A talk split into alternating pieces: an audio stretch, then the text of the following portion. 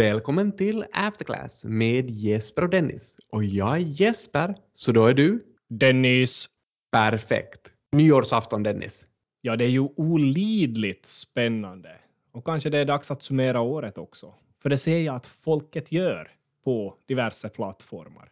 Exempelvis genom att visa upp en graf över den avkastning man haft under året på sina placeringar. Man skyltar alltså med en graf eller liknande över sitt CAGR, Compound Annual Growth Rate, du vet. Och alla dessa grafer, de pekar uppåt. Det är positiva siffror. Det är speciellt på Twitter man ser det här och man ska ju inte sätta upp något sånt här om man inte har över 50 procent i den här årliga avkastningen. Men jag har också sett några som går ända upp till 150 procent. Vilket är helt fantastiska avkastningar under just ett år då bara. Någonting man måste komma ihåg här är väl oftast att det rör sig om några enstaka aktier som har gått väldigt bra och kanske har man haft lite krypto i portföljen också.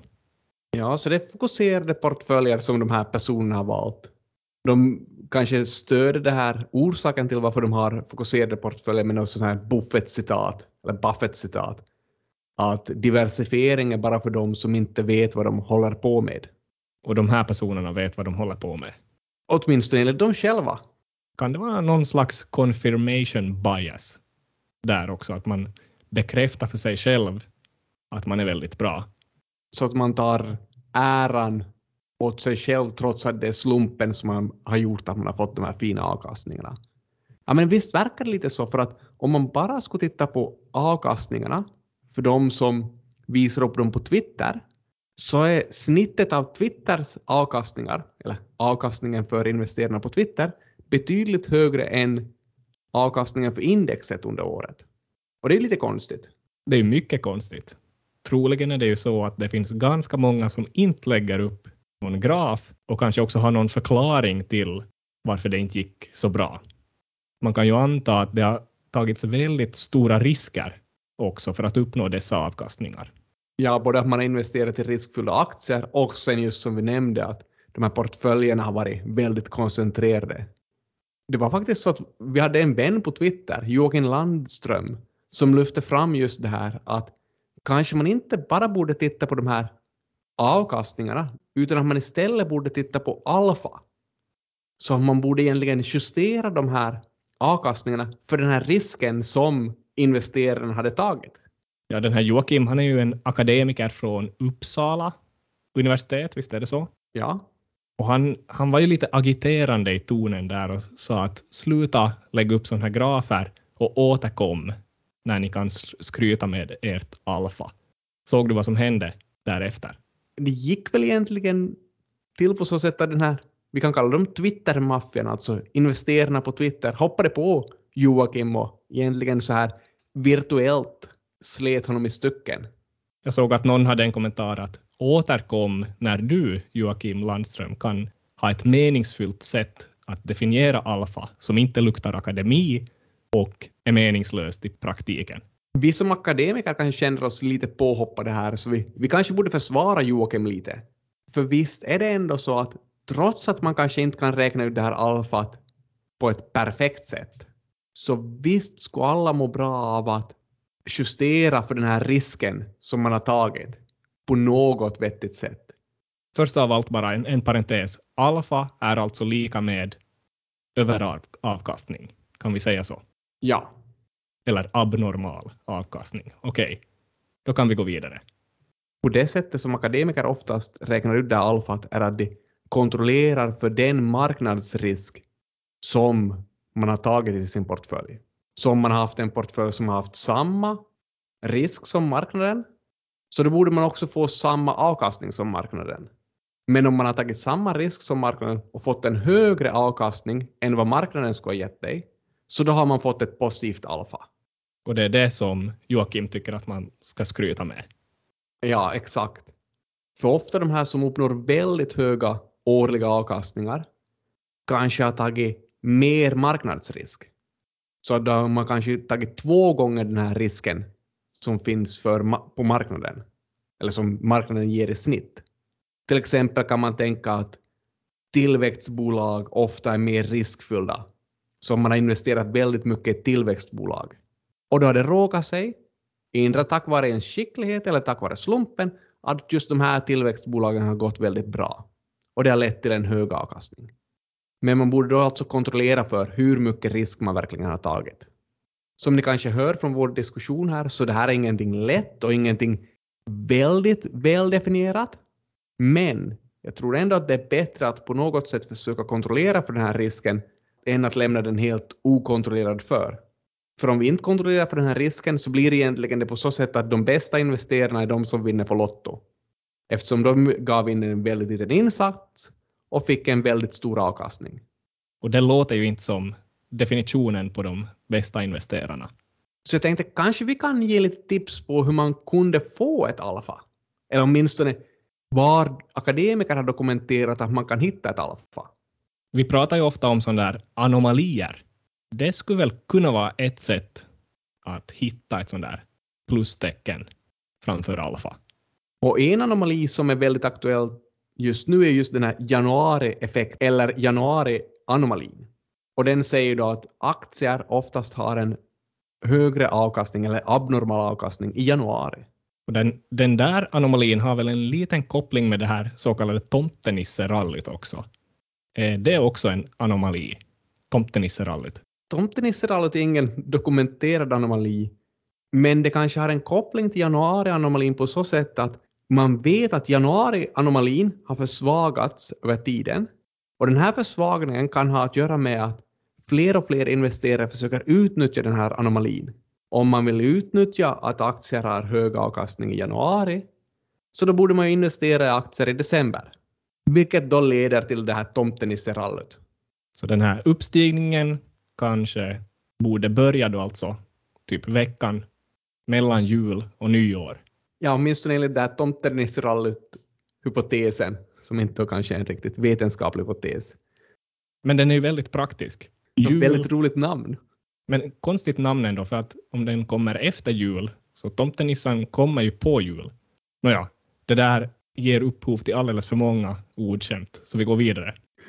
Eller kanske vi går tillbaka till januarieffekten. Bara för att nämna lite var den är starkast, så att om man skulle vilja försöka handla på den här januarieffekten så skulle man borde fokusera på små bolag.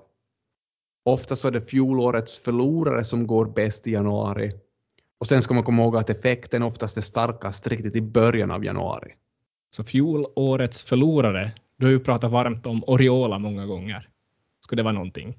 Ja, åtminstone så den av årets förlorare.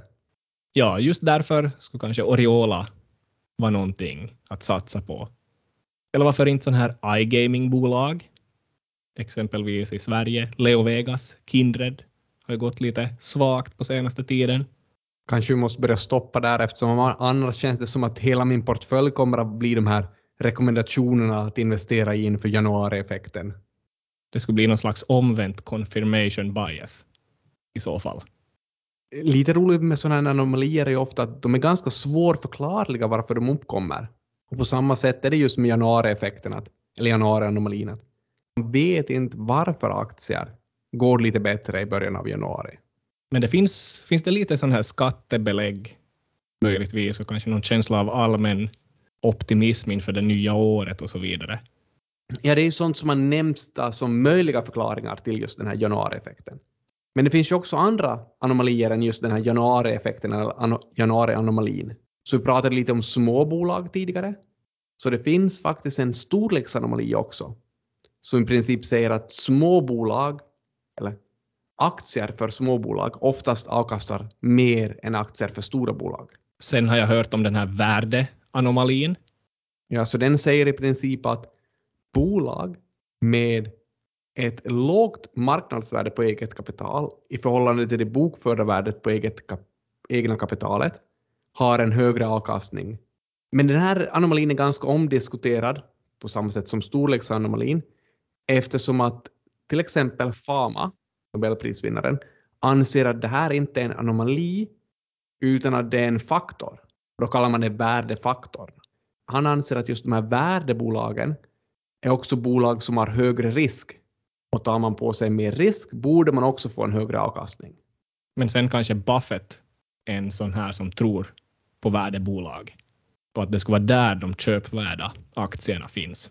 Jo, men det här är ju ingenting som vi kommer att lösa här huruvida värdebolagen är någonting som borde beaktas genom att ha en till riskfaktor eller om värdebolagen i princip är felprissatta då som Buffett säger. Nej, just det. I början av din akademiska karriär höll du väl på med den här momentum-anomalin mycket?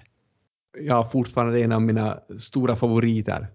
Väldigt enkel anomali som egentligen påstår att aktier som har presterat bra historiskt under det senaste året kommer att fortsätta prestera bättre än aktier som har presterat dåligt det senaste året. Tills det kommer en krasch? Ja, tills det kommer en krasch. Anomalin är faktiskt i snitt ganska stark. Så att vi pratar om att man får ungefär 1 procents överavkastning per månad. Och som vi sa tidigare att januari-anomalin eller effekten är svår att förklara och det finns inte heller några riktigt bra förklaringar till just den här momentum-anomalin trots att den är så lätt att implementera. Och jag menar anomalier, vi kunde gå vidare och prata om lönsamhetsanomalin, investeringsanomalin och Kruas anomalin. Det har dokumenterats väldigt många anomalier bland akademiska forskare. Så väldigt många olika sätt på vilka en investerare kan förtjäna ett positivt alfa. Fama lägger väl till någon sån där faktor en gång per år i sina modeller i alla fall. Fama anser ju sällan att det här är anomalier. Fama anser ju att det här är någon typ av proxy för någon risk som våra modeller inte fångar upp korrekt. Så enligt Fama är det riskfaktorer, men enligt de flesta andra är det kanske anomalier. Jag såg någon forskning här av Graham och kompani som säger att 316 faktorer eller anomalier har dokumenterats. Så är det ju ändå så att så här många anomalier tyder på att vi kanske inte har riktigt de här korrekta prissättningsmodellerna. För att om vi ska ha korrekta prissättningsmodeller så skulle inte vi se några anomali anomalier enligt den här hypotesen om den effektiva marknaden. Eller så kanske marknaden inte är effektiva. Så kanske vi borde tänka lite annorlunda på det här. Back in the day fanns det ju väldigt många förklaringar till varför solen rörde på sig på ett visst sätt och månen for hit och dit. Sen fanns det väl också någon Saturnus-anomali, har jag hört. Och det här var ju då back in the day när man trodde att jorden var i centrum och att solen kretsade kring jorden. Så då fick man ju inte alla de här planeternas rörelser riktigt att stämma. Men sen kom Copernicus. Ja, sen kom Copernicus till oss och förklarade att hej, att det är ju inte alls så att det är solen som kretsar kring jorden, utan det är helt tvärtom att jorden kretsar kring solen. Och då försvann ju förstås alla de här anomalierna, för då plötsligt så förstod vi ju allt hängde ihop. Han var smart den där Copernicus man lämnar att tänka på alla de här forskningarna som har gjort också, som har kommit fram till de här anomalierna. Att skulle det inte ha varit bättre att göra en massa pengar på de där anomalierna istället, om de är så abnormala? Trots att de har dokumenterats så är det ju ingenting som säger att inte folk har gjort pengar på dem. Men det är klart att man har ju lite svårt att tro att alla de här då, 316 anomalierna skulle faktiskt fungera idag det har man också visat att de flesta anomalier som har dokumenterats är inte anomalier efter att de har dokumenterats. Så ändrar då på grund av datamining, eller så kan det vara så att när fonderna börjar handla på de här anomalierna så försvinner de helt enkelt. På samma sätt som vi pratade om januari-anomalin tidigare. Så eftersom att den har varit så stark, fonder vet om dem, så har kanske investerare och fonder börjat handla aktier redan i december som har gjort att då januari-anomalin har blivit svagare. Och tomten är rallyt starkare. Men, men, får se hur många anomalier vi har tagit död på med detta avsnitt nu då. Vi kan väl inte annat än packa ihop det här året. Det var ett intressant år på många sätt och vis. Och så ser vi fram emot 2022 och nya avsnitt av After Class.